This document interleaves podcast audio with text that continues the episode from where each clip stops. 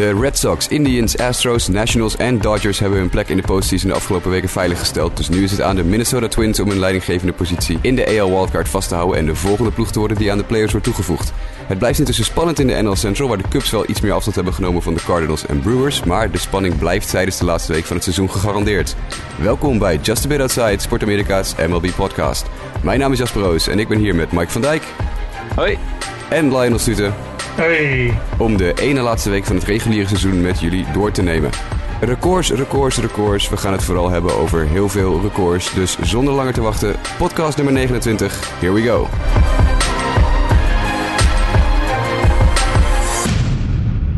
En dan beginnen we zoals altijd met het moment van de week. En Lionel, ik wil heel graag horen wat jouw moment van deze week is. Nou, mijn moment van de week is eigenlijk uh, te verdelen over twee dagen. Ik heb het dan over de series tussen de Red Sox en de Orioles. Uh, we weten natuurlijk wat er daar eerder dit jaar gebeurd is. Een hoop uh, chaos, ruzie, pinda's die op het veld werden gegooid. Allemaal geen goede zaken. En deze week konden we zien hoe het ook kan. Hè? Twee teams die gewoon twee geweldige wedstrijden van 11 innings tegen elkaar speelden. Heel spannend. Ja, en dat, dat denk ik van ja, dat moet toch altijd kunnen. En ik was er eigenlijk wel heel positief over dat het dan al een keer gebeurt nog tijdens het lopende seizoen. Ja, nee, absoluut. Eens. Sensatie, sensatie. Altijd bij de Red Sox en de Orioles. Mike, wat is jouw moment van de week? Ja, ik ga voor een man die we hier al vaker hebben besproken. Ik heb hem ooit één keer zien spelen in een Milwaukee Brewers tenuutje. Maar ja, Scooter Jeanette, de Cincinnati Red. Lionel, dit zal je verrassen waarschijnlijk. Maar we hebben hier een statistiekje erbij. Hij is de eerste speler sinds uh, afgelopen nacht die vier Grand Slams en vier, of, uh, vier home runs in één wedstrijd heeft geslagen. Lou Gehrig is de enige speler die, laten we zeggen, beide statistiekjes ooit in zijn carrière heeft bereikt. Maar ja, Scooter Jeanette lukt dat dus gewoon in één seizoen. Dus de uh, man, the myth, the legend, Scooter Jeanette. Ik heb het altijd al gezegd, jongens. Geweldige speler, die Scooter Jeanette. Ik zei het gelijk al, dit gaat hem helemaal worden. Nee, nee, serieus. Ja. Wie had dit nou verwacht, hè? Wie had dit nou verwacht? Ongelooflijk. Ja. Seizoen, ja, een seizoen van uiterste. Dat, dat gaat vandaag in de aflevering denk ik ook wel blijken. Ja, dat denk ik ook wel. Ja, ja Jeanette, uh, onofficiële uh, mascotte van onze podcast. Voor mij was deze afgelopen week vooral weer het, het arriveren van Johan Moncada in de Major League. Moncada in zijn laatste tien wedstrijden slaat hij 386 met drie home runs, acht RBI's. het, is, het is een genot om naar te kijken. laten we hopen dat dit wat zegt over de toekomst. Hoeveel posters hangen inmiddels van Johan Moncada in jouw huis? Uh, ik, ik, ik, heb er nog geen één. Ik heb alleen een poster van José Abreu waar Moncada wel op staat op de achtergrond. Maar ik heb van Moncada zelf nog geen poster. Dus dat moet nog even, even geregeld worden inderdaad. Ja. Maar het is gewoon te gek om naar te kijken. Die jongen die heeft een ongelooflijke power. Sloeg afgelopen nacht weer echt een, een bom naar centerfield uh, tegen de Royals. Uh, waarmee de White Sox uiteindelijk wonnen. Uh, fantastisch. Fantastisch om naar te kijken. Geweldige speler. Schitterende swing ook. Dus uh, voor de mensen die van mooie swings houden, ik zou bijna zeggen, ga maar Johan Moncada kijken.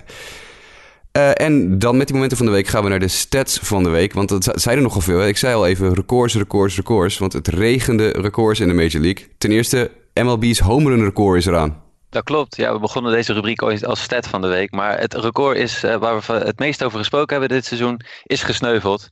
Alex Gordon van de Kansas City Royals sloeg tegen de Toronto Blue Jays de 5694ste home run van dit seizoen.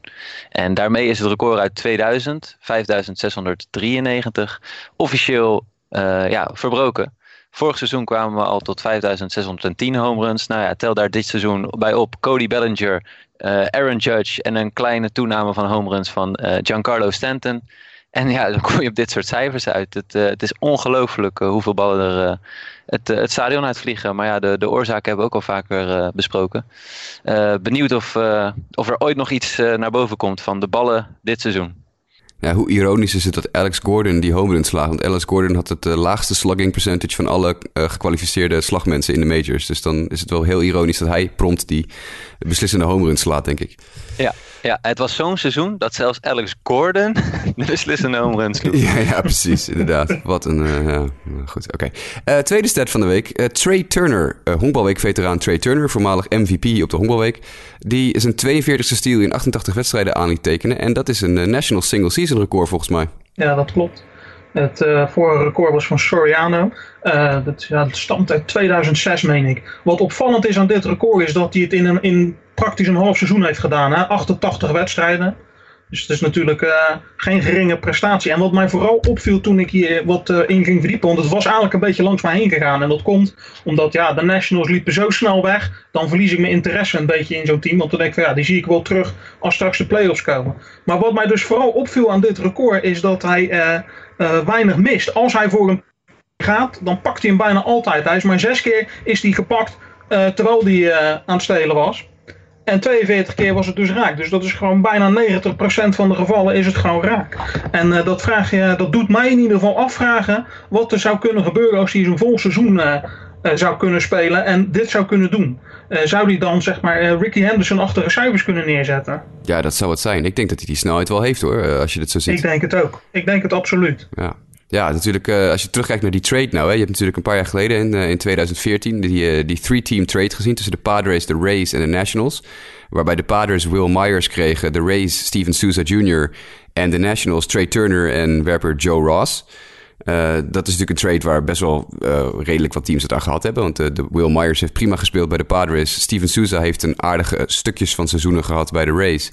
Maar Trey Turner is denk ik toch wel de, de, de elite speler in deze trade geworden. Ja, absoluut, absoluut. En ik denk dat al alleen nog maar... Hij is nog hartstikke jong ook. Hè? Hij is 24, meen ik, uit mijn hoofd gezegd. Dus dat kan alleen nog maar nog meer worden in mijn ogen. Ik ben wel heel benieuwd. Ja, nou, ik, ik vind het ook een mooie speler. Um, over uh, jonge spelers gesproken die uh, hele gekke dingen doen. Matt Olsen van de Oakland Athletics. Nou, daar is even een naam die je waarschijnlijk niet al te, al te vaak gehoord hebt, Mike. Maar die deed ook gekke dingen, hè? Flying under the radar. Ja. Zeker. In de laatste twaalf wedstrijden heeft hij negen home runs geslagen.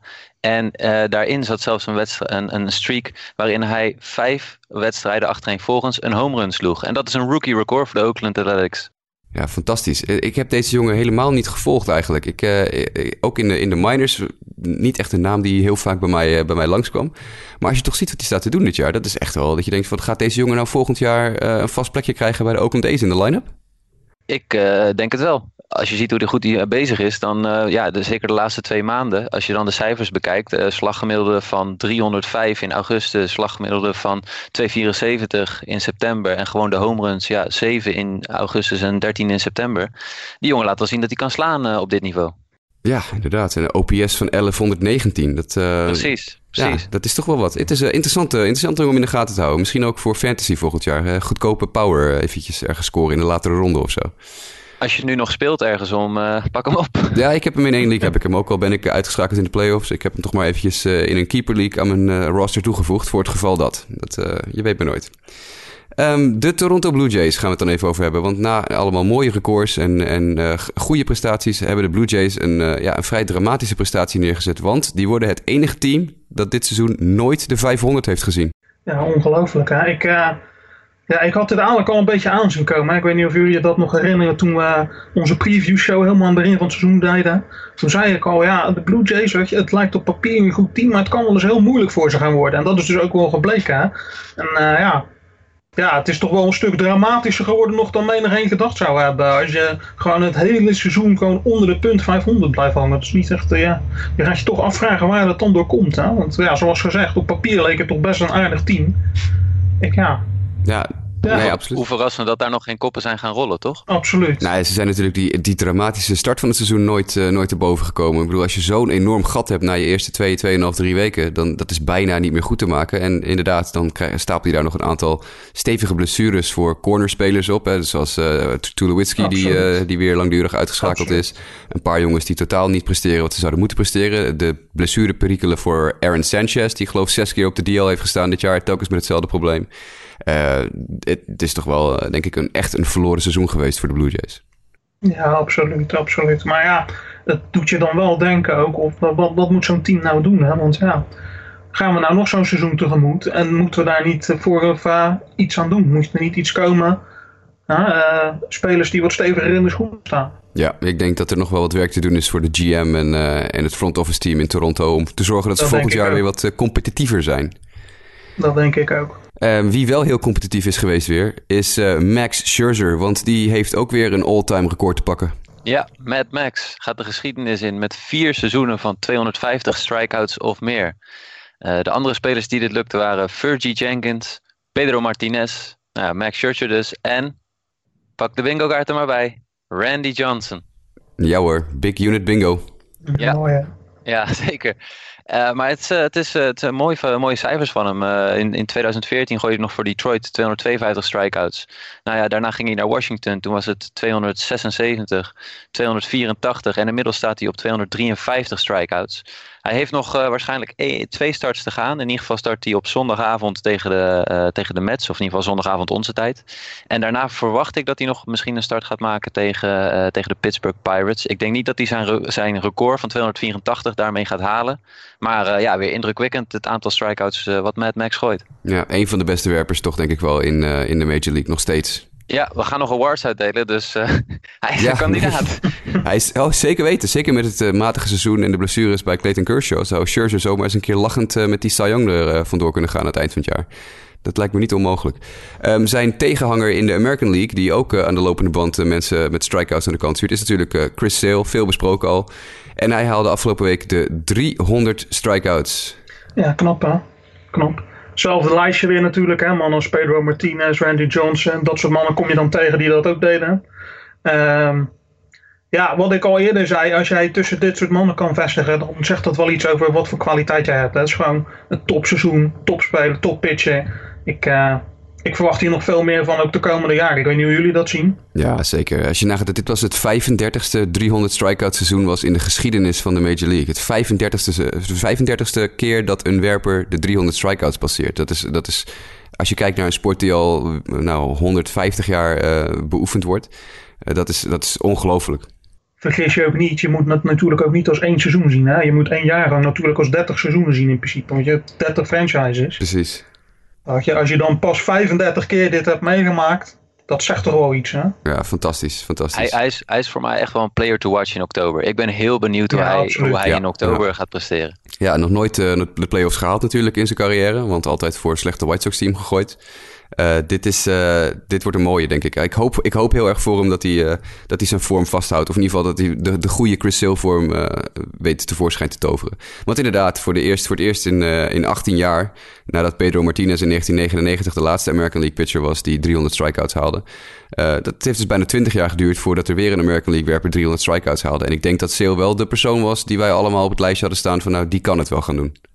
Absoluut. Ja, Absoluut. Nou, gaaf. Mooi. Chris Sale, van harte gefeliciteerd. En uh, doe wat moois in oktober.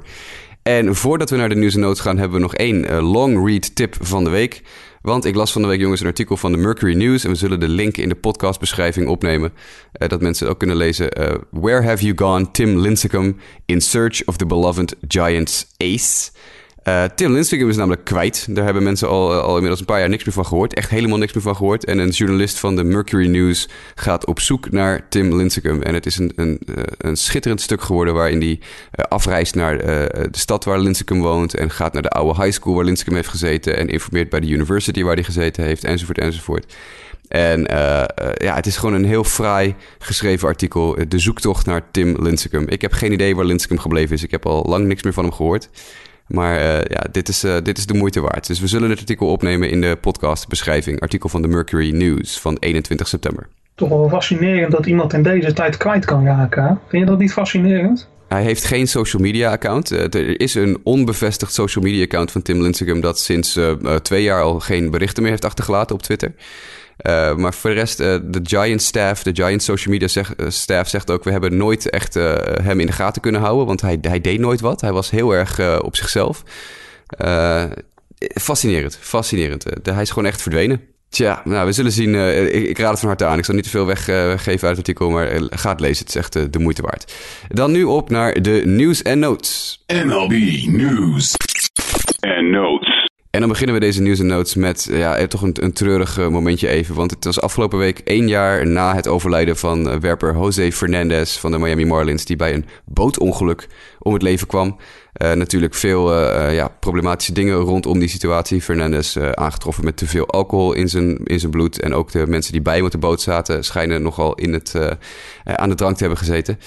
maar toch, jongens, ik denk dat we toch even stil moeten staan... Bij, bij het overlijden een jaar geleden van Jose Fernandez. Ik kan me nog herinneren toen dat gebeurde, stond ik op een feestje en ik, uh, ik las dat op Twitter. En dan hebben wij de redactiegroep voor Sport Amerika MLB.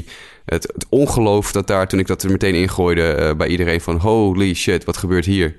En, uh, en dat, volgens mij, Lionel, heb jij toen hals over kop nog een artikel yes. geschreven over, als een soort in memoriam over José Fernandez. Dus misschien kan jij nog even iets zeggen over deze situatie. Ja, het was toen het was een beetje een raar verhaal inderdaad. Hè. Het, het kwam echt als een, een donderslag bij heldere hemel.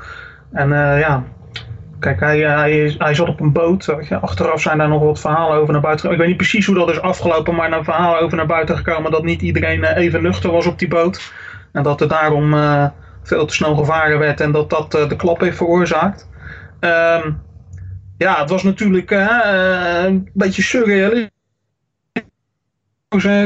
Topseizoen bezig. Hè? Waarschijnlijk wel gewoon iets wat we vele jaren nog van hem gingen zien. En ineens is hij weg. Ineens is hij zomaar uit het leven weggerukt. En ja, je vraagt je toch af wat zo'n gozer had kunnen doen dan door de jaren heen, hè? Ja, dat is het vooral, Mike. We hebben natuurlijk veel naar José Fernandez gekeken de laatste tijd. De laatste periode voordat hij overleed. Um, wat hadden we van deze jongen nog kunnen verwachten? Ja, heel veel. kijk, ik, ik heb zelf vaak dan hem. De Marlins zitten niet in de divisie van de Diamondbacks. Dus dan kijk je altijd veel meer de highlights van de Marlins. Maar het was gewoon geniet om hem te zien gooien. Hij had super mooie pitches. Veel energie bracht hij ook iedere keer. Het was gewoon leuk om naar een wedstrijd te gaan of een wedstrijd te kijken waarin José Fernandez op de heuvel stond. Er gebeurde wat. En uh, ik weet zelf ook dat ik toen ik het nieuws hoorde, het, gewoon ongeloof. En alle mooie positieve verhalen over mensen die hem met hem hadden samengewerkt. Of uh, weet je, het, het was een super ja, leuke gast om, om, om, uh, in de clubhouse, overal, om, ook om gewoon te zien spelen. En, en het is echt jammer, ik baal echt, laat maar zeggen, dat, dat hij niet meer, uh, niet meer onder ons is en, en niet meer, dat we hem niet meer zien gooien. Ja, nou, het was absoluut uh, een van mijn favoriete spelers om te kijken ook, ja. Wat mij vooral fascineerde aan, aan deze jongen uh, is zijn, zijn, zijn levensverhaal voor het honkbal, zeg maar. Als je ziet, hè, het is natuurlijk een, een bootvluchteling is het. En dat de jongen gewoon tot, tot twee, drie keer toe opnieuw probeerde om die. Ja, want je hebt natuurlijk dat uh, wet food, dry food, hoe zeg je dat? Die wetgeving. als jij het land bereikt als bootvluchteling in Amerika, mag je blijven. En hij heeft dat gewoon tot drie, vier keer toe geprobeerd. Gewoon omdat dit steeds mislukte. En blijven proberen, blijven proberen. En uiteindelijk lukte het hem. En hij stoot dan ook nog door naar de Major League. Dit is gewoon inspirerend als jij zelf iets wil doen. Wat bij lange na niet van die omvang is. Als je dan bedenkt dat dit mogelijk is. Dan moeten er voor jou ook allerlei dingen mogelijk zijn. Zo kijk ik hier naar. En dat is toch wel wat voor mij het meest blijft hangen aan Jose Fernandez. Ja, Nee, het is een heel treurig, heel treurig verhaal. Hij was 24 toen hij, toen die omkwam. Uh, ik heb even intussen op Google het, uh, het autopsierapport opgezocht. En uh, toch, toch is uit ervoor gekomen dat hij niet alleen dronken was, maar dat er ook cocaïne in zijn, in zijn ja, systeem precies. zat. En, en dat hij waarschijnlijk de boot gevaren heeft. Dus hij is gewoon ja, drie strikes tegen hem. En dronken en met coke in zijn lijf. En veel te hard met die boot tegen een, een pier aangevaren. Waardoor hij en zijn twee vrienden omgekomen zijn. Maar toch een 24-jarige jongen die inderdaad al zo verschrikkelijk veel meegemaakt had in zijn leven. En zo fantastisch was om naar te kijken. En die, die, die, die speelse uh, dat, plezier dat hij in honkbal had, was, uh, was heel erg, uh, ja, wordt heel erg gemist, denk ik, in, in Major League Baseball. dan gaan we verder. Ehm, remembering Jose Fernandez, dat doen we nog eventjes. Um, en dan gaan we weer hebben over records en homeruns en zo. Want er worden meer homeruns geslagen in de Major League. Maar één team doet daar echt totaal niet aan mee, hè Lionel? Ja, nee, de San Francisco Giants. Maar die mensen bij de Giants, die zijn al een tijdje langer uh, blijkbaar niet zo heel erg goed in het home run slaan. Als je kijkt naar de afgelopen seizoenen, vorig seizoen waren er meer dan 100 spelers die 20 home runs of meer sloegen in de Major League. Hè, het waren er 111. Dit seizoen zijn het er tot nu toe 108. En dan uh, ga je kijken van hoeveel Giants staan daar dan tussen. En dan kom je vorig seizoen tot een totaal van 0. En dit seizoen tot een totaal van 0. Het is uh, leuk dat die uh, MLB-records gebroken worden. Maar we hebben dat dus blijkbaar met 29 teams gedaan. Toch wel opvallend. Nou is natuurlijk de Giants dit jaar is het helemaal niks. Maar verleden jaar speelden ze in ieder geval tot het einde van het seizoen nog mee hè, om de prijzen. Ja, nee, en als je kijkt naar de, de, de, de cijfers van de afgelopen jaren. Het stadion waar de Giants in spelen is ook gewoon een ontzettend is het moeilijkste stadion uh, op basis van de cijfers gebleken om homeruns in te slaan. Dus ja, dat, uh, dat, dat speelt natuurlijk ook niet echt in een voordeel. Maar goed, een, een, een leuk feitje. Just Dingers, weer zo'n leuke bijnaam van de Diamondbacks broadcasters voor JD Martinez. Sinds die bij de Diamondbacks speelt, heeft hij 26 homeruns geslagen. En dat is twee keer zoveel als bijna elke speler dan ook van de Giants. Brandon Crawford namelijk, die heeft, er, die heeft er 13. Uh, en uh, ja, JD uh, doet het, maar dat is natuurlijk wel het andere uiterste makkelijker stadion. Maar gewoon even om perspectief te plaatsen. Ja, weet je, de Giants spelen ook uitwedstrijden. Als je dan maar tot 13 home runs komt, ja, dat is ja, niet hoopgevend voor de, voor de Giants. Dus ik denk dat die wel gaan kijken of ze in ieder geval in de winter wat versterking kunnen halen op het gebied van power hitters. Nou ja, dat is het voornaamste wat je hier natuurlijk uithaalt. We hadden het vorige week al over van uh, wat moeten die Giants nu gaan doen. En we hebben het daar volgens mij ook al eerder over gehad. Dit zijn wel gewoon cijfers waaruit blijkt dat er iets niet helemaal goed zit in de samenstelling van dat, van dat roster natuurlijk. Er mist wel gewoon het een en ander en uiteindelijk komt dat dan een keer bovendrijven. En dat is dus dit seizoen is dat gebeurd. Tja, nee, de Giants hebben absoluut uh, ja, een van de slechtste seizoenen ooit. En doen nog uh, zeker mee in de strijd om de first overall pick in de draft. Hoewel dat nog wel lastig wordt, omdat ook uh, de Phillies, White Sox en nu ook de Tigers volop in de jacht zijn voor het slechtste record in de majors. maar ja, goed, het is natuurlijk gewoon echt helemaal geen goed team. Met nog een paar spelers met, met stevige contracten erin. Dus dit wordt nog een interessante winter voor de fans in de Bay Area bij San Francisco. En ze hebben de minste aantal punten gescoord. Ja, ook dat nog. Van ja. alle teams. Ja. Gewoon offensief uh, helemaal niks. En, uh, en ja, ook op pitchinggebied ook is het allemaal maar matig, matig, matig.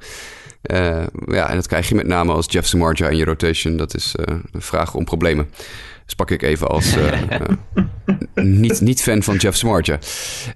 gaan we verder, jongens. Gaan we even naar de, het volgende record. Want we hebben Robinson Cano, die afgelopen week zijn 300ste home uit zijn carrière sloeg. En wat, wat, wat, wat zegt dit nou even over Robbie Cano? Hè? 300 home in zijn carrière, maar bij Seattle eigenlijk niet meer de superster die hij bij New York was. Nee, nou ja, dat misschien niet. Maar ik denk ook dat als hij uh, niet naar Seattle was gegaan, maar gewoon bij de Yankees was gebleven, dat hij vorig seizoen misschien al die 300 home had gehaald. Neem niet weg dat het een uh, ontzettend goede slagman is hoor. Ik ben, uh, ik ben fan.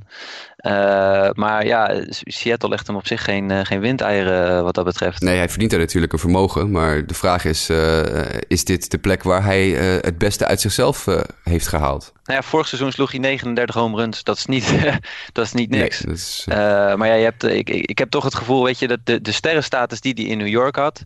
Uh, dit is toch een big market team en Seattle, dat, ligt anders. Ja, als je zijn splits uh, erbij pakt, als je dus een carrière split tussen New York en, uh, en Seattle, dan heb je natuurlijk vanaf 2005 tot 2013 speelde hij voor de Yankees. Dan noteert hij een 3,09 batting average met 204 home runs.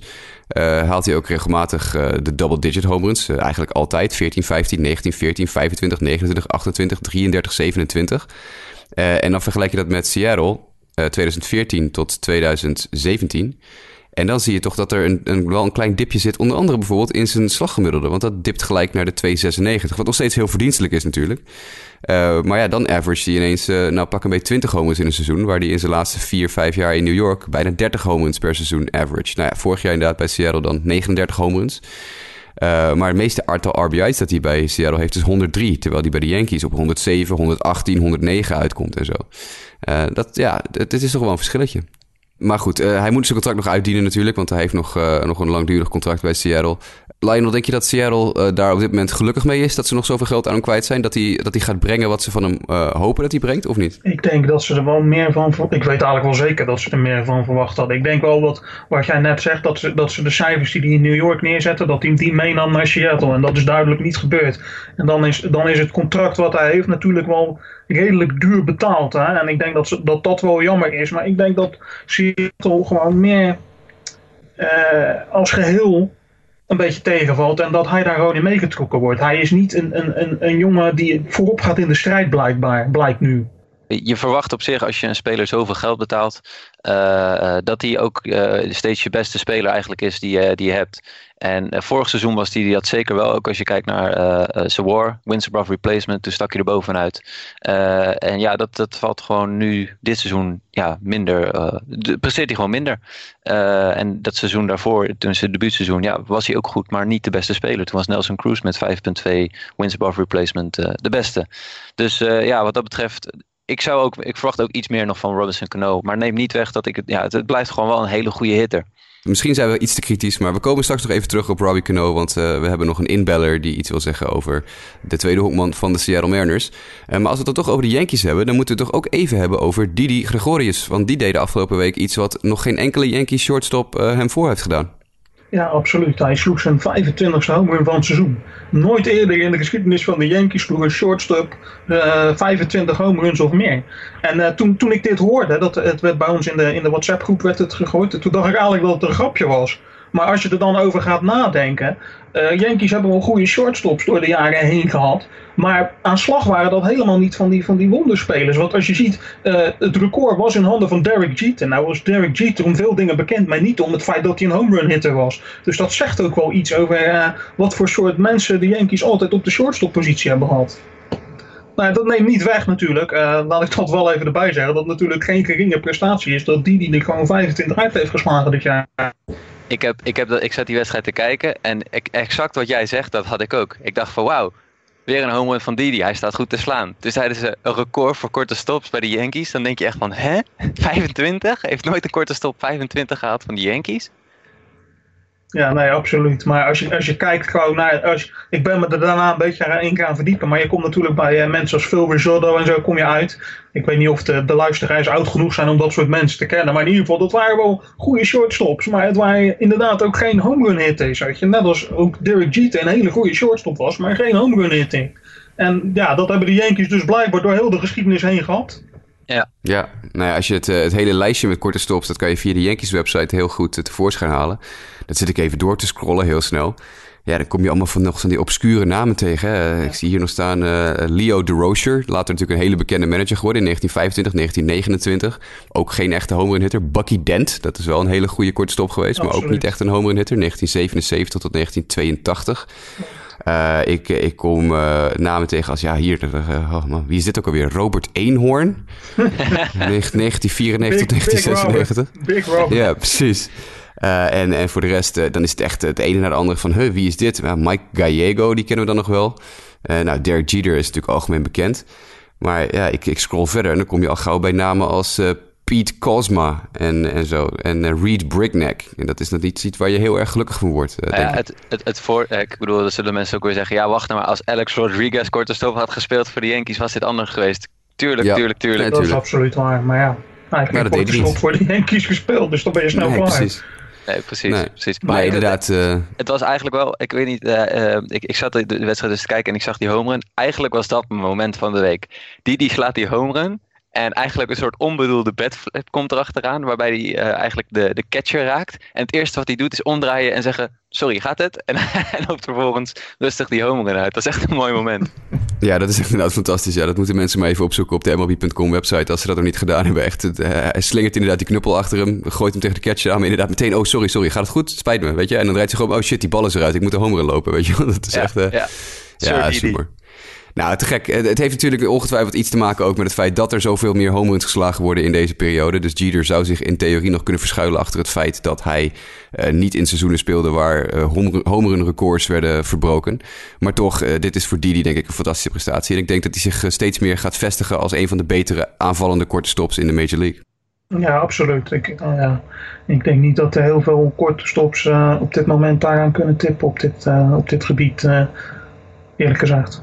Nou, nou Bij, mooi. bij, bij Lionel's team groot gebracht en gedebuteerd. Bij mijn team weer verder gebracht. En ja, de Yankees profiteren ervan.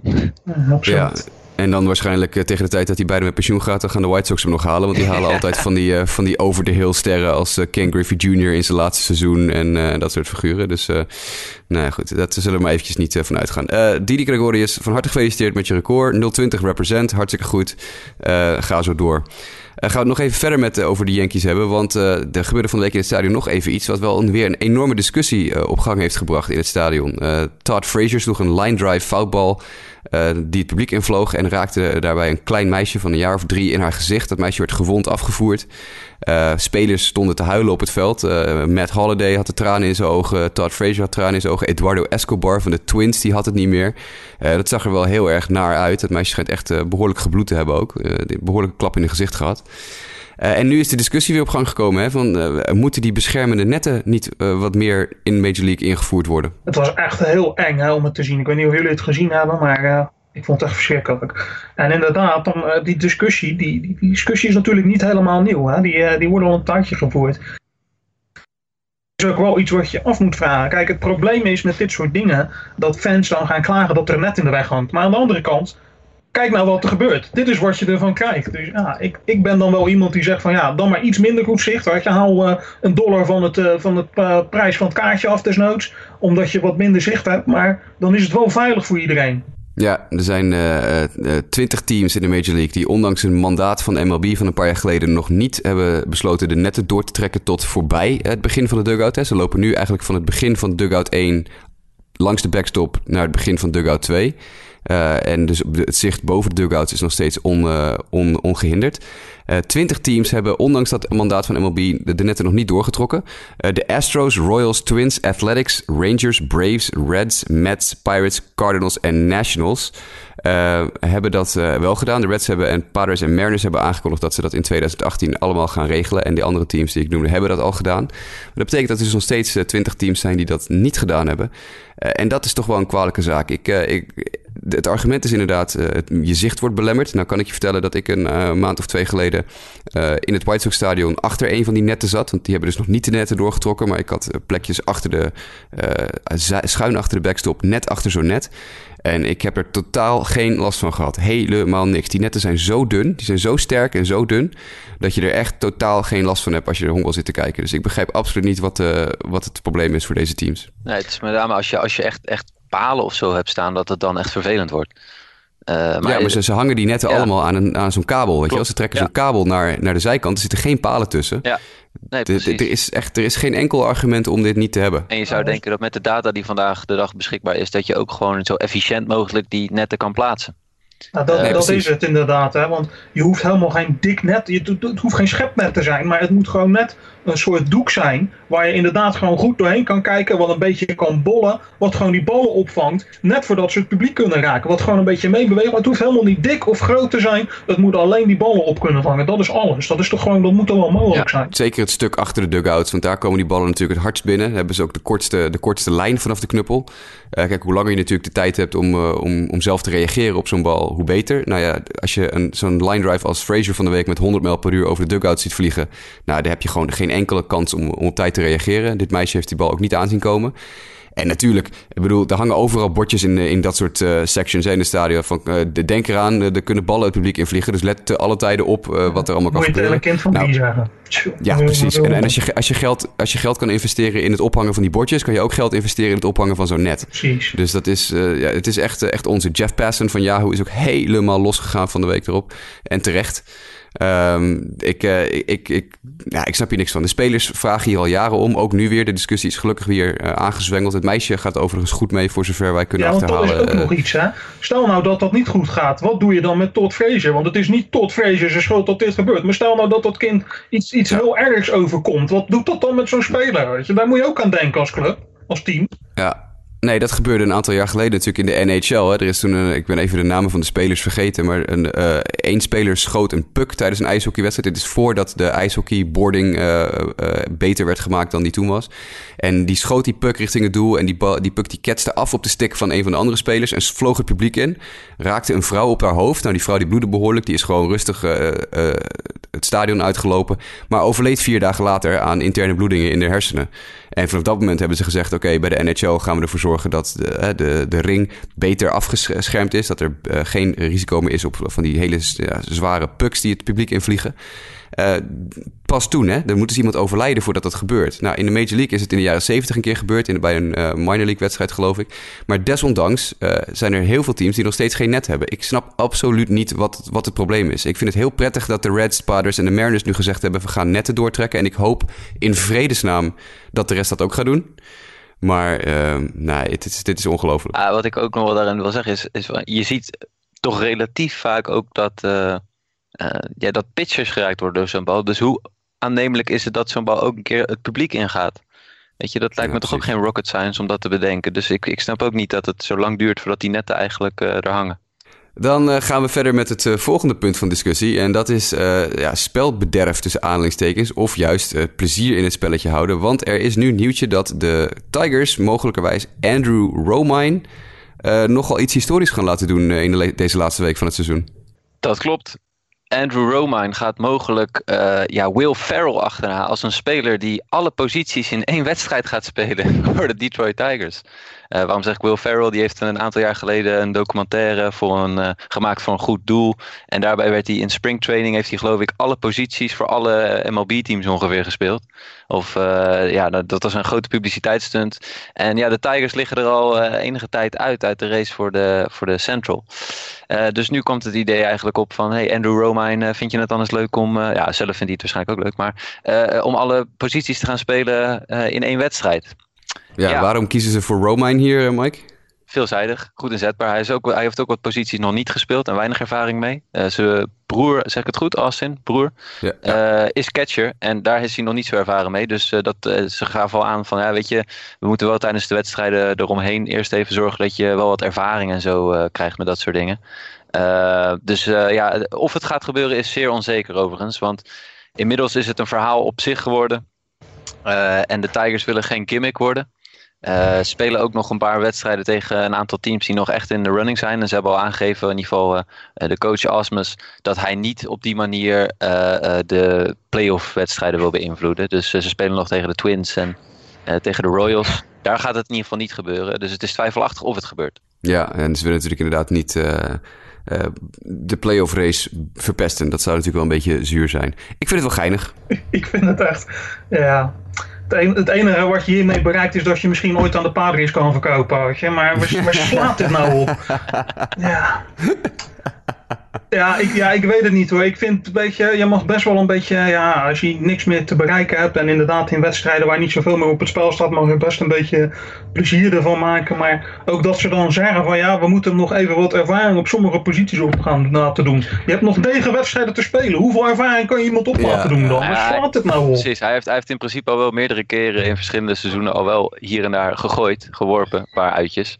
Ja. Uh, maar het is alleen catchen wat hij nog nooit gedaan heeft. Maar ik, ja, ik, ik ben het eigenlijk in eerste instantie dacht ik van ach, wel een leuk ideetje. Maar als je er nog wat meer over nadenkt, denk je echt van ja, weet je, dit is echt, uh, weet je, uh, Tim Tebow, breng hem naar de Major Leagues, verkopen wat kaartjes. En dat heb ik hier dan ook mee, dat als je dit zo zou gaan aankondigen van nou, we gaan het doen, uh, ja, dan wordt het een verhaal op zich. En ik vind, ik vind het op zich, denk ik van ja, weet je wat, wat wil je hiermee? Wel een nou, daar heb je wel een punt inderdaad. Het is hetzelfde als wat voetbalteams doen met wedstrijden die ze niet serieus nemen, dat ze dan team B op gaan stellen of team C, weet je wel. ja. Ik vind, ja. ja ik vind eigenlijk Weet je, het is wel ook een klein beetje minachting van de, van de fans en van de sport en dergelijke. Als je gewoon een beetje er een circus van gaat maken. Kijk, als je dit nou ook doet omdat je daar echt daadwerkelijk beter van wordt.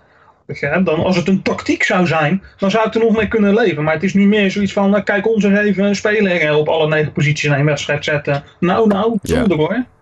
Nou, dat is wel een fair punt. Ja, het, het, zou leuker zijn geweest als dit gewoon bij toeval tussen aanhalingstekens of onaangekondigd gedaan zou worden. Dat Romine inderdaad gewoon uh, op zijn normale positie zou beginnen, korte stop of tweede honk of zo. En dat hij dan de volgende ding ineens op derde honk zou staan en dan tweede honk. En dat halverwege de wedstrijd de commentatoren en de fans ineens zoiets hebben van, hé, hey, wat gebeurt hier? Waarom schuift Romine van positie naar positie? Dus iedereen gaat dan blessure binnenkort faken in, tijdens één wedstrijd? Ja, maar dat, dat, zou, dat zou ik nog wel leuk hebben gevonden. Maar inderdaad, het van tevoren aankondigen van, we gaan het dan en dan doen. Dat lijkt inderdaad gewoon een beetje goedkope publiciteitsstunt. Ja, de, dus de enige uh, andere verklaring die ik hiervoor kan vinden, maar dan maak ik misschien wat gras weg voor de voeten van uh, iemand later in de show. Uh, maar is dat uh, Brad Osmus hiermee wil laten zien dat hij als coach zeer veelzijdig is in, de, in, in het inzetten van zijn spelers.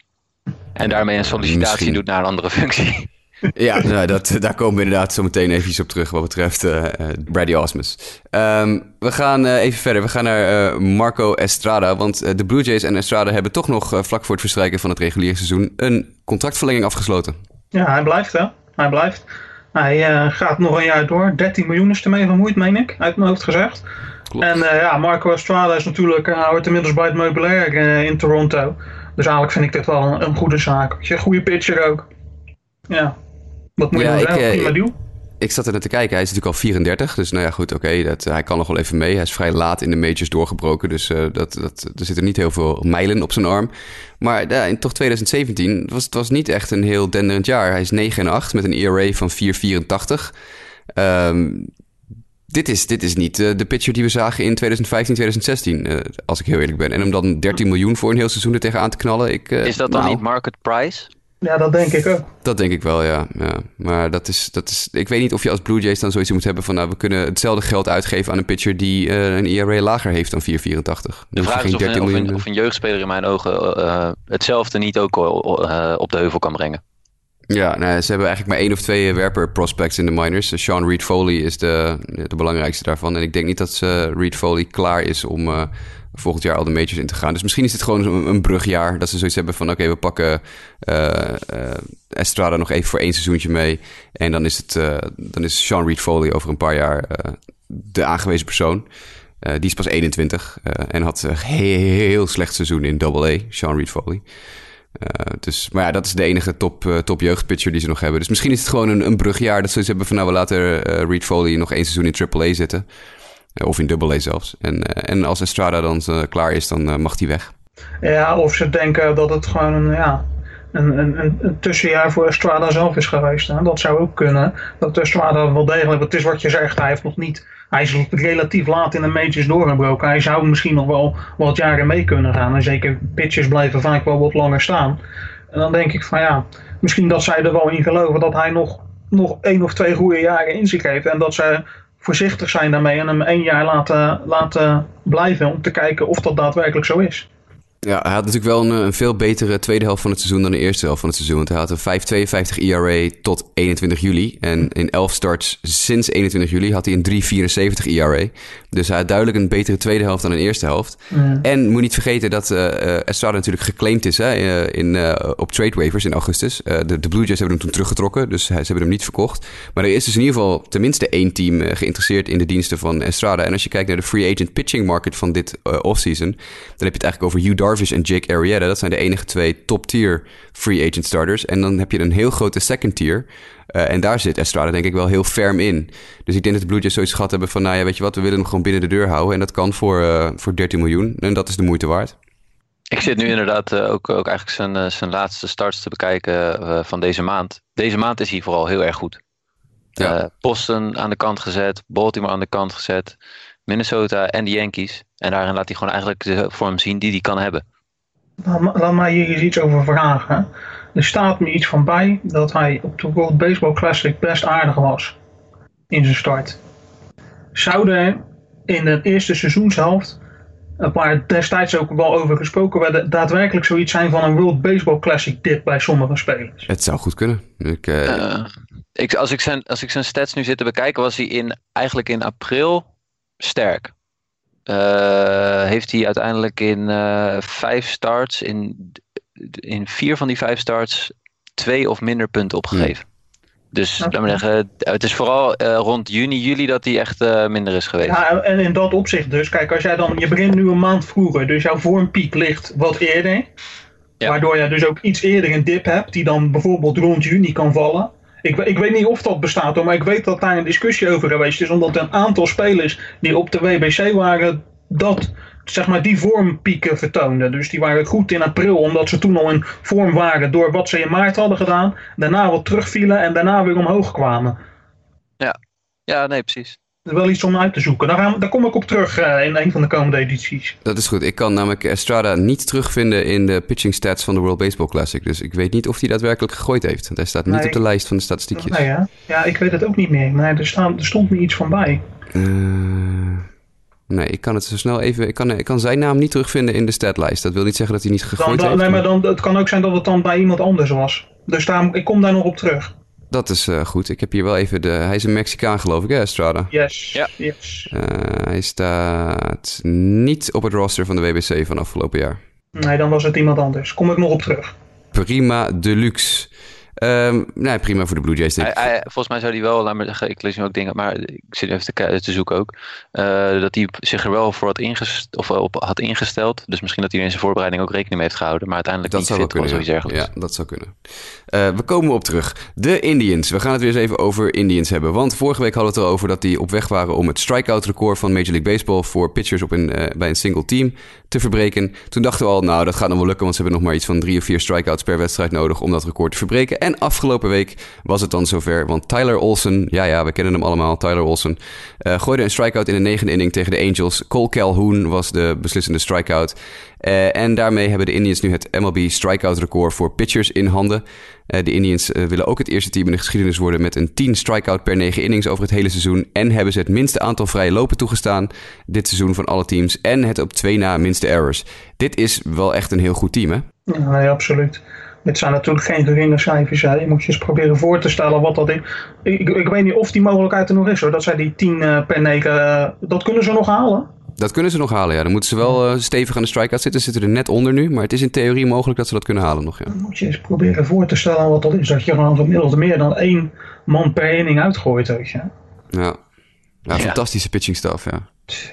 Ze hebben ook nog de kans om als, uh, als enige team sinds de, de Providence Grace uit 1884 een, uh, een stretch in het seizoen te hebben waarin ze 28 en 1 gaan. Dat is natuurlijk in grote mate heeft dat te maken met die winning streak van eerder. Toen hebben ze één wedstrijd verloren, maar sindsdien hebben ze ook niet meer verloren. Dus uh, ze kunnen net als de Providence Grace 28 en 1 gaan. Moet ik wel even... Kan je, kan je nagaan, dat is waar we het vorige week ook al over hadden. Toen, uh, toen er ook een dergelijk record uit uh, anderhalve eeuw geleden naar voren kwam. Hoe goed dit team daadwerkelijk is. Want je moet ook de, de, de concurrentie van de Providence Grace is proberen af te zetten tegen de concurrentie die er nu in de Major League is. Ja. En dat je dan zulke soort cijfers kan neerzetten, dat zegt wel iets over hoe goed je bezig bent. Ja, nee, dat is, dat is zeker waar. Um, dit, dit team is, is natuurlijk bezig om records te verbreken en, en dat soort zaken meer. Maar uh, als we kijken naar, naar sowieso de records dit seizoen. Hè, we hebben de streak van Cleveland gehad. We hebben Judge en Bellinger, Bellinger die allebei uh, rookie record home runs zetten. Bellinger afgelopen week, gisteren zelfs nog. De, de Indian strikeouts, het MLB home run record. Giancarlo Stanton die mogelijk de 60 home runs gaat halen voor het eerst in weet ik hoe lang. dit is wel een, een recordbrekend seizoen geweest. Ja, het is ongelooflijk. En de vraag is waar het precies aan ligt. Ja, dat, dat zal waarschijnlijk ongetwijfeld uh, uh, een aantal oorzaken zijn. Uh, verschillende hebben we ook al besproken in de eerdere afleveringen van de podcast. maar ja, ik, vond het wel interessant om te lezen. afgelopen week heeft ESPN een nieuwe issue van de magazine uitgebracht. de Analytics Edition. En daarin werd eigenlijk ook wel door een, een blog geopperd van... Um, komt het niet doordat we steeds meer analytics toepassen... dat het steeds meer gaat richting de true outcomes uh, of the game. Uh, home runs en strikeouts. En dat daardoor de wedstrijd zelf misschien wat minder entertaining wordt. Hoewel de strikeouts natuurlijk wel mooi zijn om te zien. En de home runs altijd goed zijn om te zien. Althans, dat wordt ook altijd door, door fans gewaardeerd. Maar dat daardoor, laten we zeggen, de infield pop-outs en, en dat soort dingen. Omdat de defensie gewoon beter opgesteld is. ja, dat er minder gebeurt. Dus ik vind dat wel een interessant punt wat ze eigenlijk er aansnijden. Ja, dat is inderdaad een, een fair punt. Een interessant, interessant artikel inderdaad om, uh, om eventjes in, in ogenschouw te nemen. Uh, Lionel, verwacht je dat wij volgend jaar uh, weer zoveel records gaan zien sneuvelen? Andere soort records? Of denk je dat dit wel het seizoen is dat dat echt een beetje de outlier is? Ik denk dat dit een beetje de outlier is. En vooral omdat je natuurlijk in het begin die piek hebt gehad. Er is natuurlijk veel discussie over die ballen geweest en dergelijke. Um, kijk, als je eenmaal op gang bent, dan is het ook niet zo gek dat je naar het einde toe van die records gaat breken. Maar dat betekent natuurlijk niet dat je ieder jaar zo'nzelfde vliegende start hebt. En ik denk dat dat, dat, dat ook gewoon. Het, het kan best zijn dat we dit volgend jaar weer krijgen, of misschien het jaar daarna. Maar het is natuurlijk. Uh, ja, wat ik zeg, je moet wel, alles moet vanaf het begin meezitten om aan het eind de records te kunnen breken. En ik denk dat ze daar ook wel voorzichtig in zullen zijn. Ja, nou, dat denk ik ook. Uh, we, zullen het zien volgend jaar. Ik, ik, ik, ik heb het, ja, het seizoen is nog niet afgelopen. Ik heb het wel als een leuk seizoen ervaren. Dus uh, er was heel veel aan de hand, heel veel gebeurd. En wie weet gebeurt er nog van alles in de komende week. En kan het natuurlijk een fantastische playoffs worden. Want er zitten natuurlijk een paar ontzettend goede teams in de playoffs al. Um, gaan we eventjes, voordat we langzamerhand dit blokje gaan afsluiten, nog twee dingetjes doen. Ten eerste, baseball over de grenzen. Daar zijn we weer, Lionel. Want de Red Sox hebben een nieuwe nationaliteit aan de Major League, ja, of in ieder geval aan de Major League toekomst toegevoegd. Uh, we hebben een Tibetaan. Ja, mooi hè. Hij heet uh, Kyung Ba Renzhang. En toen dachten ze van, dat vinden we te moeilijk. We noemen hem Justin. Ja. Dus uh, nee, Ju Justin Kyung gaat, gaat zijn, onder die naam gaat hij spelen. Hij is door de Red Sox binnengehaald. Die gaan hem in de Instructional League zetten in Fort Myers in Florida. Kijk, de jongen is een Tibetaan, maar hij komt uit het Chinese systeem. En dat is wel iets, ja, daardoor is het misschien iets minder opvallend. Want dit zat er al aan te komen. De, Orioles hebben natuurlijk vorig jaar ook een, een Chinese pitcher binnengehaald. Uh, China heeft uh, een, een leiding momenteel, politiek gezien, een leiding die heel veel aandacht aan sport besteedt. Zij zien daar heel veel in. En dat zie je in het voetbal terug ook in het honkbal terug. Het is gewoon de bedoeling dat er binnen nu en een jaar of tien gewoon 25, 30, 40 Chinezen in de Major League gaan rondlopen. Of in ieder geval jongens die uit dat systeem komen. En daar hoort deze Justin Kyung hoort daarbij. Hij is nog heel jong, maar het, het schijnt wel echt een toptalent te zijn. Ja, de Red Sox hebben hem voor slechts 10.000 dollar toegevoegd aan hun system. Dat is natuurlijk een koopje. Uh, maar ik, ik, vond het heel interessant om te zien dat er nu ook inderdaad uit Tibet uh, spelers gehaald kunnen worden. Uh, we hebben natuurlijk eerder dit seizoen al gehad over Gift en Weepy uit Afrika. Mhm. En we hebben natuurlijk uh, wat, wat, Italianen gezien door de, door de jaren heen. En uh, nou ja, goed, er komen natuurlijk steeds meer nationaliteiten bij.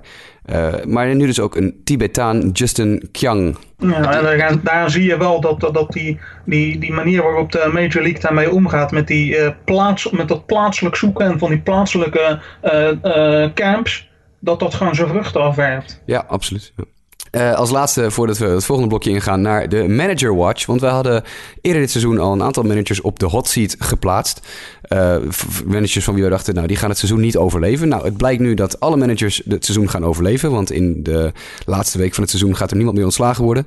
Maar we hadden wel twee managers aangegeven. Dat waren Terry Collins van de Mets en Brad Osmus van de Tigers. Dat wij zoiets hadden van, nou, die kunnen het wel eens heel zwaar krijgen. En dat blijkt dus ook, want Terry Collins uh, wordt verwacht dat die aan het eind van het seizoen met pensioen zal gaan de New York Mets hebben, uh, ja, via via is dat een beetje uitgelekt. Verwachten zij dat Terry Collins aan het eind van het seizoen met pensioen gaat en dus niet meer terugkomt als manager van de New York Mets. En het is bekend geworden gisteren dat Brad Osmus inderdaad aan het eind van het seizoen ja, ontslagen zal worden, of in ieder geval eh, niet zal terugkeren voor het seizoen 2018. Um, ehm, eh, first thoughts, heren? Ja, ik, uh, met ja, alles ging mis. Dus iemand wordt verantwoordelijk gehouden. En uh, ja, weet je, ik, ik begrijp op zich wel dat, dat Terry Collins dan ook zoiets heeft van, nou weet je, ik vind het mooi geweest. Het is ook niet de jongste manager meer in de Major League. ik ben heel erg benieuwd wie daar voor in de plaats gaat komen. Wat, wat voor koers de, de, de Mets in die zin gaan varen. Ja, dat ben ik ook wel. Want de Mets hebben natuurlijk eigenlijk altijd een handje gehad van het aannemen van uh, ja, veteraan-managers. Het zijn nooit echt uh, de jonge. Toen je, toen je die movement zag, want er, werden overal nieuwe jonge managers aangesteld. En Matheny bij de Cardinals, Osmos bij de Tigers. Uh, ja, door de jaren of Ventura bij de White Sox. Dat is ook een drama natuurlijk. Maar goed, er was toen echt een, een, move om, om jongere managers aan te stellen. En de, de Mets hebben eigenlijk door de jaren heen altijd, hè, of het nou Jerry Manuel is, of Bobby Valentine, of Terry Collins, of, of noem maar op. Altijd kiezen zij voor de, de, geroutineerde manager. Zouden ze dat dit keer misschien anders gaan doen? Ik, ik, ik denk het wel. Ik denk dat ze, dat ze ik bedoel, ja, ja, vind toch maar eens ergens een Terry Collins.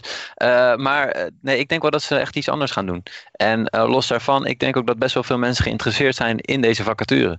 Uh, de Mets hebben echt wel wat talent in het roster zitten waarmee je snel laat maar zeggen, een goede bounceback kan maken ten opzichte van dit seizoen. Uh, dus uh, ja, ik, ik, ik, verwacht wel dat ze een, een, een, jongere manager gaan aanstellen. Maar dat is ook niet heel moeilijk als je Terry Collins als benchmark hebt. Nee, nee, nee.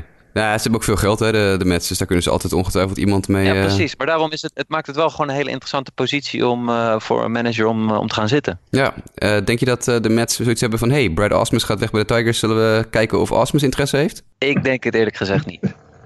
Maar... Nee, want je zou kunnen zeggen dat uh, de, de, de Mets hebben natuurlijk in potentie, zeker op de, uh, wat je precies zegt is waar, op de directe toekomst een veel, veel beter roster. Dat, een bounceback is veel meer mogelijk inderdaad met de Mets dan je bijvoorbeeld bij de Tigers zou zien. Osmus heeft natuurlijk altijd een heel oud team onder zich gehad, met jongens als Cabrera en, en Victor Martinez en, en Justin Verlander. De Mets zijn beduidend jonger. Misschien is het juist wel goed om, om Osmus nu eens de kans te geven om met een heel ander team aan de gang te gaan. Nee, vanuit Brad Osmus zou ik het zou ik begrijpen. Maar uh, vanuit de Mets zijn er toch wel een paar dingen waar ik naar zou kijken in een manager. En in dit geval het omgaan met, uh, met, met zeer getalenteerde pitchers, maar die nog niet alles gezien hebben. Ja, ja, ze hebben de World Series bereikt, dus wat hebben ze niet gezien. Maar je begrijpt wat ik bedoel, uh, hoop ik. Mm -hmm. uh, dat, dat, dat zijn toch denk ik wel dingen die, die daarin belangrijk zijn. Uh, hè, goed, ook wel goed, je krijgt een grote markt ook te bedienen. Ja, ik, ik denk dat Brad Osmus is bij mij, in mijn, voor mijn gevoel niet gelijk een fit daar. Nee, nou, het is wel een ex-catcher, dus hij kan natuurlijk wel met, uh, met pitchers omgaan. Maar ja. ik, uh, het, je punt is, is fair. Ik zou ook niet weten wie er 1, 2, 3 tevoorschijn gehaald zou worden. Het zou best kunnen dat de Mets zeggen van we hebben in AAA een leuke manager zitten en die promoten we gewoon omhoog. Ja. Net zo goed als Terry Collins ooit vanuit de minors uh, omhoog gepromoot is en manager van de big league team is geworden. Uh, het is wel interessant. Het is inderdaad een interessante baan, de New York Mets. De Tigers is een beduidend minder interessante baan. Uh, dat is dus een team dat begonnen is aan de rebuild afgelopen seizoen, halverwege het seizoen. En dat is een team waar helemaal geen toekomstmuziek in zit voor de komende vijf, misschien wel zeven jaar. Dus wat voor soort manager gaat Brad Osmus opvolgen? Ja, uiteindelijk een manager die precies met datgene wat je zegt goed om kan gaan. Hè? Je hebt iemand nodig die gewoon uh, niet direct uh, in de spotlight wil staan en de, en de prijzen wil pakken, maar iemand die er plezier in schept om een team op te bouwen en daar onderdeel van wil zijn. Ja. Zo iemand heb je nodig. Zou, zouden de Tigers echt een, een high-end persoon zoeken, laten we zeggen? Echt een, een bewezen manager? Of zouden ze gewoon zoiets hebben van, nou ja, weet je, uh, we kijken wie we nu geschikt vinden voor deze periode. En uh, als dat geen lange termijn oplossing is, vinden we het ook niet erg. Ik denk dat laatste, ja. Ik denk dat laatste. Dan denk ik ook. Ik denk dat je deze situatie heel goed kan vergelijken met, uh, met manager Ricky Renteria. die natuurlijk nu toevallig bij de White Sox zit. Maar vergeet niet, Ricky Renteria maakte zijn headcoaching debuut een aantal jaar geleden voor de Cubs. Uh, toen de Cubs uh, uh, midden in hun rebuild zaten. Dus vlak voordat ze, dat ze doorbraken met al die jonge talenten. Chris Bryant was nog niet in de majors, enzovoort, enzovoort. En toen heeft, heeft Ricky Renteria een seizoen bij de Cubs gedraaid. En dat was echt zo'n rebuild seizoen. Een team wat nergens heen ging, maar een team dat wel gemotiveerd moest worden om nog een beetje... Hè, dat de jonge spelers wat ontwikkelden tijdens een seizoen in de majors. En dat er toch met plezier gehombald werd. En uh, toen werd uh, Joe Madden ontslagen bij de race. Of althans, die ging weg bij de race. En ging naar de Cubs. En toen hebben ze vrij ceremonieloos hebben ze Ricky Renteria aan de kant geschoven. Omdat ze Madden konden krijgen. Nou, toen hebben de White Sox gezegd, geef ons Ricky Renteria dan maar. Eerst als benchcoach voor Ventura. En die heeft, begin van dit seizoen heeft hij het managerschap overgenomen van Ventura. En je ziet precies wat jullie aangeven. Hè? De White Sox, een team dat in transitie is. Totaal niet gaat winnen. Niks gaat winnen. Gewoon stijf onderaan staat in de Major League. Maar dat team speelt elke dag heel hard. En de, de, de slagzin van dit team is uh, Ricky's boys don't quit. Uh, en dat zie je aan, aan comebacks, dat zie je aan, aan mislukte comebacks dit seizoen. Ricky Renteria kan, is een manager die dus die een team enorm kan motiveren, ondanks dat er totaal niet voor de prijzen gespeeld wordt, om toch die jonge gasten uh, dusdanig te motiveren dat ze iets laten zien en dat ze zichzelf ontwikkelen. Hij is een ontzettend goede uh, coach ook, ontzettend goede uh, uh, trainer. En ik denk dat Ricky Renteria nou typisch zo'n soort manager is waar de Tigers ook naar op zoek gaan. Een jongen die die jonge gasten hard kan laten spelen, die ik mensen kan opleiden en die ervoor kan zorgen dat dit team over een paar jaar weer competitief is. Precies, dit, is het precies. En ik denk dat, en dat hoeft niet eens iemand te zijn die we al kennen. Het is precies wat je zegt, dat kan iedereen zijn. er zijn gewoon jongens die heel goed zijn in dit soort taken en die kan je overal vandaan halen. Misschien loopt er wel ergens in de miners inderdaad iemand rond, hoeft niet eens binnen de eigen organisatie te zijn, misschien wel binnen een andere organisatie, die hier heel goed in is en die precies geschikt is om dit nu te gaan doen met de Tigers. Ja, nou, vergeet ook het niet zou mij niet uh, verbazen als iemand als Chip Hill vorig jaar de coach van de Diamondbacks of zo daar in één keer dan opduikt. Dat zou helemaal geen gekke suggestie zijn inderdaad. Vergeet ook niet dat Joe Madden ook ooit zijn carrière zo begonnen is. Hè? En ik denk dat ze gaan zoeken naar een, een benchcoach van een wat meer gevestigde naam bijvoorbeeld. Hè, je hebt gezien uh, Ricky Renteria, die kwam bij de Padres vandaan. Toen was hij de assistent bij Bud Black. Nou, we zijn allemaal ervan overtuigd dat Bud Black een uitstekende Major League Manager is. Uh, dat, datzelfde zie je met Joe Madden, die jarenlang de benchcoach voor Mike Socha bij de Angels was, voordat hij naar de race ging en daar doorbrak als, uh, als, als absolute topmanager. Uh, nou ja, ik, ik, denk dat ze gewoon op zoek gaan naar een, een, een benchcoach of een assistent van een.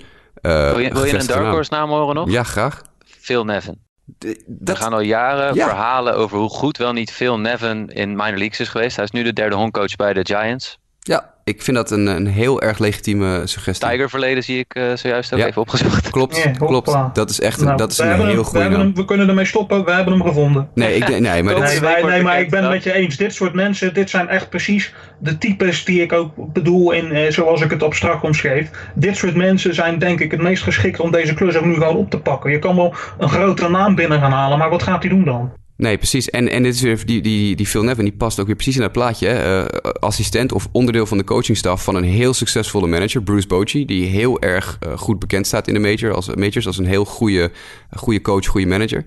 Uh, hij krijgt zijn referenties wel rond, laat maar zeggen. Precies, dat is, precies. Dat is hij kent Kirk, Kirk, Gibson, die heeft dan weer, die zit de commentator, is de commentator bij de Tigers af en toe. Dus ja. weet je, dat zijn typisch, dat zou me niet verbazen. Nee, het, zijn natuurlijk wat, wat, wat grotere managers in de, in de Major League. Zoals hè, je, moet, je kan kijken naar de coachingstaff van Bochy... of kijken naar de coachingstaff van uh, Dusty Baker of uh, Buck Showalter. Uh, dat soort jongens. Ik denk dat er de grote kans is dat er inderdaad uit die pool ge, gevist gaat worden. En ik vind Phil Nevin een, echt een uitstekende, uitstekende suggestie. Uh, dat, uh, dat doe je goed, uh, Mike. mag, ik, mag ik heel even van de gelegenheid gebruiken? Er zijn nog twee nieuwtjes die we niet besproken hebben, die, of die ook niet eigenlijk in het script staan, maar die ik eigenlijk wel even aan Lionel wil voorleggen. Eén is True Story en Tommy John Surgery.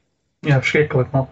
Dat, dat, ik wilde dit eigenlijk in het begin als moment van, mijn, van de week aanhalen. Niet zozeer omdat ik het nou zo'n mooi moment vind dat True Story de komende twee jaar niet kan spelen, maar uh, eerder, dit, eerder dit seizoen had hij een, een, een immaculate inning. Hè? Negen pitches, negen strikes. Uh, klaar. En dat die jongen nu gewoon twee jaar weg is, echt zonde. Echt zonde. Ja, ja. en de andere die ik had was uh, vierjarig contract, 16 miljoen. Tucker Barnhart, catcher van de, catcher van de Reds. Ja, ja, nou ja. Ja. Nee, ik denk dat het wel een goede deal is. Ik, ik, ik vind het moeilijk in te schatten op dit moment bij de Reds, maar elke deal. Maar ik denk dat dit wel een goede deal is, als ik heel eerlijk ben. Oké, dat waren ze. Dank je, Jasper. Mag, mag ik dan ook nog even ergens op terugkomen? Tuurlijk. Ik heb even opgezocht waar nou die World Baseball Classic dip over ging. Dat ging niet over Marco Estrada, maar over Roberto Osuna. Ah, ja, precies. En ook, de andere namen die daarbij vielen waren Seth Lugo en Drew Smiley. Juist, nou, die allebei natuurlijk uh, geblesseerd geweest of nog steeds geblesseerd. En Osuna inderdaad een behoorlijk geestelijke dip dit seizoen. Dus dat is uh, wel heel verklaarbaar, ja. Juist. Alright. Is dat ook weer rechtgezet. Heel goed. Uh, dat brengt ons aan het einde van nieuws en notes. Maar dan hebben we even een, een nieuw rubriekje, want we gaan bellen met Justin.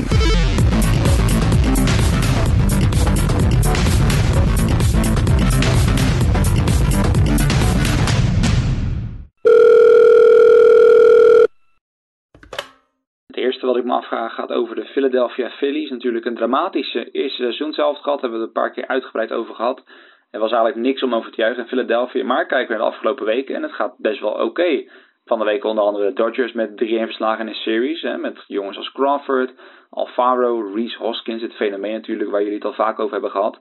En het gaat natuurlijk wat ver om te stellen. Want de Washington Nationals zijn voorlopig zolang Bryce Harper met een Max Scherzer, Steven Strasburg in Washington is. Zijn zij natuurlijk de favoriet in die divisie. Maar vooruitkijkend naar volgend jaar. Denken wij dat de Phillies misschien volgend jaar zo'n verrassingsteam kunnen gaan worden?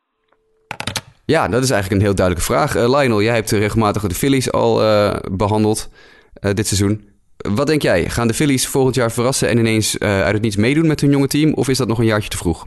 Nou ja, het is wat je zegt. Als ze het gaan doen, is het verrassen. Het is, het is niet onmogelijk. Het is zeker niet onmogelijk. Er zitten een paar goede jongens zitten er, zitten er tussen. Hangt er natuurlijk ook een beetje vanaf hoe het, het, het straks, als het april 2018 is, in zijn geheel in elkaar zit het, het zou kunnen. Ik, zie, ik zou er niet van opkijken als ze het doen. Maar ik zou er ook niet van opkijken als het inderdaad nog uh, 1, 2 jaar duurt. En dat we pas uh, aan 2019, 2020 moeten gaan denken. Want ja, het blijft een jong team. En het, uh, het, kan, het kan altijd met dit soort teams twee kanten op gaan. Maar het talent is er om absoluut te verrassen. Ja, ik denk het ook. Ik, uh, ik denk dat de Phillies wel een leuke, leuke ploeg kunnen zijn om uh, in de gaten te gaan houden. Uh, die divisie sowieso, denk ja, ik trouwens, hoor, volgend seizoen. Zeker. allerlei teams die upwards trending zijn. Ja, nee, absoluut. absoluut. Dat, dat, zie je nu al een klein beetje zich ontvouwen natuurlijk. Um, Justin had nog een tweede vraag en volgens mij gaat hij over Robbie Cano. Tweede opmerking gaat over niemand minder dan Robinson Cano, de tweede honkman van de Seattle Mariners, die van de week maar liefst zijn 300ste home run uit zijn carrière sloeg. Over deze vraag kan ik kort zijn. Ik ben natuurlijk een beetje gekleurd als het op Robinson Cano aankomt, vooral sinds hij in Seattle uitkomt. Maar wat vinden jullie ervan? Vinden jullie nou echt de doodzonde dat hij daar speelt en dat hij daarmee eigenlijk, ja, kunnen we toch wel al met zekerheid stellen, nooit de playoffs zal halen? Want hè, Seattle de playoffs gaat nooit gebeuren, lijkt het. Of ja, vinden jullie toch wel goed dat hij daar uh, bezig is en dat hij daarmee misschien dan toch de ploeg richting de playoffs kan sturen? Wat vinden jullie ervan? Moet hij blijven de komende jaren of moet hij toch gaan vertrekken? Ja, we hebben de meeste dingen net eigenlijk ook al besproken. Uh, de vraag is dus eigenlijk, ja, is hij zijn, zijn grote geld waard? Uh, Oeh, ik denk tot nu toe, als ik eerlijk ben, nog niet. Het was in 2014 dat hij de tienjarige deal tekende van, van 240 miljoen. Uh, we zitten in seizoen 3 ongeveer ervan. Ja, tot nu toe, hij presteert goed. Maar ik denk dat iedereen toch wel verwacht dat Kno veel meer deze kaart trekt. Wat, wat Lionel eerder in de aflevering ook al aangaf. Ehm, ik vind het wel heel erg jammer dat hij niet play-off speelt. en ik hoop voor Seattle dat, dat, dat ze dat tij weten te keren. En dat ze gewoon volgend seizoen die divisie winnen. Want ik vind wel, ja, ik vind het, het is een mooie franchise. En vooral de spelers als Robinson Cano, hebben we het ook gehad over Chris Sale. Je wil ze op een gegeven moment in oktober zien. Dan, als het er echt toe doet, dan wil je ze zien of ze, of ze presteren. dus ik, ik, ja, ik hoop dat hij Seattle gewoon, dat hij daar succes blij, gaat halen. Ja, we hebben natuurlijk Cano al uitgebreid besproken eerder in deze aflevering. Maar inderdaad, ik denk dat dit een, een legitieme analyse is van de situatie van Robbie Cano in Seattle. En Justin had volgens mij ook nog een derde vraag. En tot slot de knotsgekke wildcard races. Ze dachten natuurlijk lange tijd dat de American League veel spannender zou worden dan de National League. Maar ja, tegengesteld lijkt waar te worden. In de National League, de Rockies, lijken toch best wel hun best te gaan doen om die voorsprong te verspelen. En met name de Brewers en de Cardinals, ja, die, die loeren erachter. Maar goed, het ding is natuurlijk nog wel, zij kunnen nog makkelijk ook hun eigen divisie winnen. Of nou ja, makkelijk. Het verschil is, as we speak, 4,5 wedstrijd en 5,5 wedstrijd voor respectievelijk de Brewers en de Cardinals. Maar ja, zowel de Brewers als de Cardinals spelen nog tegen de Cubs. Dus moraal van het verhaal, denken we dat de Cubs het gaan volhouden en daarmee ook de Rockies een beetje richting de playoffs helpen? Of kunnen de Brewers of de Cardinals toch voor dat stuntje gaan zorgen? Ja, nou ja, um, het, is, het kan alle kanten op gaan. Als ik eerlijk ben, denk ik dat de Cubs hem binnen hebben. Ik denk dat de Cubs precies op tijd in vorm zijn. De Cubs pakken deze divisie. Maar uh, tussen de Cards en de, en de Brewers zal het toch nog wel even spannend worden. Vooral ook omdat uh, de, de teams onderling nog uh, echt letterlijk onderling die strijd gaan voeren. Ik, ik moet nog zien wie die wildcard gaat pakken hoor. Ik, ik durf het zo niet zomaar te zeggen. Nee, ja, exact dat. En de Rockies, gaan die het halen? Uh, op zich hebben ze het dan in die zin voordelig dat uh, ze moeten nog tegen de Marlins en tegen de Dodgers. Nou ja, de Dodgers die zullen het laatste weekend, voordat ze aan de playoffs gaan beginnen, proberen gewoon een team klaar te krijgen en misschien wat uh, grote armen rust geven. Dus ik, ik, ik verwacht eigenlijk gewoon dat de Rockies er vandoor gaan met de tweede wildcard. en als je dan gaat inderdaad over de, over de Central, ja, ik denk ook dat de Cubs het binnen hebben. Ja, ik, ik ben er ook bang voor, voor de Cubs. Nou ja, bang voor. het is misschien een beetje... Ze hebben net genoeg gedaan, dat is eigenlijk een beetje ja, ja, ik... Ze moeten echt een, een, een complete ineenstorting hebben de komende week, willen ze er compleet uitleggen. Ja. Nou, ik ben zelf natuurlijk uh, heel erg van de Brewers geweest het hele jaar. Maar die zie je inderdaad op het allerlaatste moment toch een klein beetje afzakken. Inmiddels een behoorlijke achterstand op de Cubs uh, van toch meerdere wedstrijden. Uh, en, en ja, goed. Er is nog steeds een theoretische kans. Maar ik ben er bang voor dat het inderdaad de Cubs gaat lukken. Ik heb al jaren een theorie. En laat ik ook even deze theorie gelijk doortrekken naar de Cup straks. Maar voor mij is de theorie dat je in dit soort competities, zoals de MLB, die heel lang duren en waar daarna nog een, een, een play-offs aan vastzitten, is het beter om aan het einde van het seizoen in vorm te zijn dan aan het begin van het seizoen. Ja, de wet van de remmende voorsprong is in, in dit soort competities zo duidelijk van toepassing. Ja. En um, ja, voor de Cubs is dit dus ook heel belangrijk, want die zijn nu op het juiste moment in vorm met de playoffs in aantocht. Hè. Maar dit zie je ook terug in deze wildcard race, dat uh, de Rockies heel lang heel goed zijn geweest. En het wordt moeilijker en moeilijker en moeilijker. En dat zou het wel eens gewoon kunnen breken, ook, ook psychologisch, dat dat ze gaat opbreken in die laatste week. Ja, nee, absoluut. Um, we gaan het goed in de gaten houden, want volgens mij, en dat kunnen we dan gelijk wel naar doorgaan, uh, onze uh, series en stories to watch hebben toch in, grote mate te maken met deze teams. Lionel, wat is jouw serie to watch van deze week? Ja, Cubs op bezoek bij de Cards. Hè? Ik, ik, wat ik zeg, ik denk dat de Cubs hem binnen hebben, maar het, het zal toch nog spannend worden. Eigenlijk moeten de Cards voor die wildcard race toch wel tenminste één wedstrijdje van die Cubs afsnoepen. Nee, absoluut. Ik, ik ga kijken naar Cubs Brewers in hetzelfde, met hetzelfde idee van wie weet, hè, dat volgens die serie is vandaag, morgen, overmorgen of zo. Uh, in de hoop dat de Brewers weer een klein beetje uh, grond op kunnen maken. Een beetje terug kunnen komen en het nog even spannend kunnen maken. Dus uh, ja, Cubs Cards, Cubs Brewers. Mike, ik weet, volgens mij ga jij iets heel anders kijken deze week. Ja, ik hoop dat jullie een beetje begrip ervoor kunnen hebben. En sorry als, als niet, maar champagne ligt koud, tissues in huis. Dit wordt emotioneel, jongens. Twee wedstrijden nog maar. En dan, dan staan de Diamondbacks weer. Ja, wat, we, men beschouwt het als de postseason. Maar wat mij betreft gewoon een extra dagje seizoen. Waarin we mogen laten zien of wij wel of niet thuis horen bij de laatste vier van van de National League. Dus uh, ja, de Diamondbacks gaan als het goed is clinchen dit weekend. Ik heb er zin in. Wie, uh, stel nou dat dit, nou ja, dit is wel zo goed als zeker. Wie, wie van de drie wil jij het liefst hebben? In de, in, in, de wildcard. Uh, goeie vraag. ik denk dat het voordelig is dat je Colorado al zo vaak gezien hebt. En als je Colorado dan ook nog eens thuis krijgt, ja, dat is, dat is wel voordelig. Ik, traditie gezien hebben we het volgens mij wat lastiger altijd met St. Louis. Dus die zie ik denk ik het, eh, het, eh, het, het ja, die zie ik liever niet. Dus uh, als het de Rockies of de Brewers worden, dat. Uh, nou ja, en op basis van wat je net aangaf, de sputterende trein van de Rockies, laat die maar komen. Ja, en, en vergeet ook niet, als je, als je een, een één, één wedstrijd playoff soort wedstrijdje hebt, zoals de wildcard wedstrijd, dan denk ik dat de Diamondbacks beter uitgerust zijn om die ene wedstrijd te winnen. Want die kunnen een, een absolute ace, of het nou Granky is of Zach Godley, die dit seizoen echt buiten aardig gaan gooien. Of Robbie Ray. Uh, de, de Rockies draaien natuurlijk eigenlijk al het hele seizoen op, op hele jonge jongens. Op, op de John Grace van de wereld en de, uh, de Antonio Sensatela's van de wereld. Maar dus het kan in zo'n wedstrijd, eh, dat is het punt. Het is één wedstrijd, alles kan gebeuren. Dat is dus waar. Dat, dat is, uh, de all bets are off, laat maar zeggen, voor die wedstrijd. De, de, eigenlijk zegt dan het seizoen echt helemaal niks meer. Nee, dat is zeker waar. Maar ik denk toch dat uh, de Arizona Diamondbacks uh, over de hele linie, wat dat betreft, tegen de Rockies een betere kans maken dan misschien tegen de Cardinals. Uh, we zullen het gaan zien. Ik, ik uh, hoop het voor je, Mike. We zullen het deze week bekijken. En volgende week uiteraard eventjes... ja, nog even de laatste dingetjes... puntjes op de i zetten. Want de laatste week van het seizoen gaat in. Dat wil zeggen dat er nog wat wedstrijden te spelen zijn. Ook voor de teams die al lang nergens meer omspelen. dan zien we nog wat, wat leuke namen misschien. Volgend weekend hebben we weer een nieuwe show. Dan gaan we het uitgebreid hebben over de awards. Dan is het award season voor ons. Dan is het seizoen zo goed als afgelopen. En kiezen wij allemaal onze MVP, Cy Young Awards, Silver Sluggers, noem het maar op... Uh, dat, uh, dat wordt een, een heel erg awardsrijke uh, best uitzending. Bad flip. De best bad flip, Didi Gregorius sowieso. Um, verder gaan we het volgende week natuurlijk even hebben over de playoffs. We gaan vooruitkijken naar de wildcard-wedstrijden en naar de playoffs die eraan zitten te komen. Kortom, we hebben nu al een enorm volle show uh, bedacht voor jullie. Uh, daarbij hebben we natuurlijk ook nog vast wel iets te bespreken van de afgelopen week. Uh, hopen we dat Justin er dan weer bij is. Gelukkig kon hij op afstand vandaag een beetje meedoen in deze show.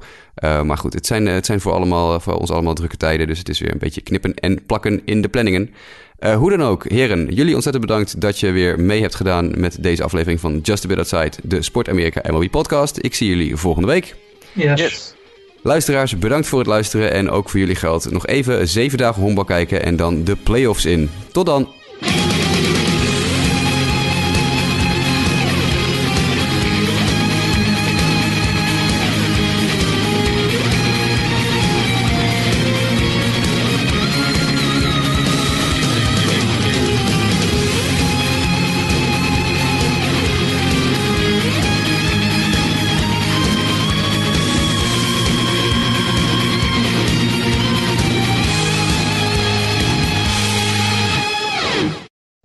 Even bellen met Justin.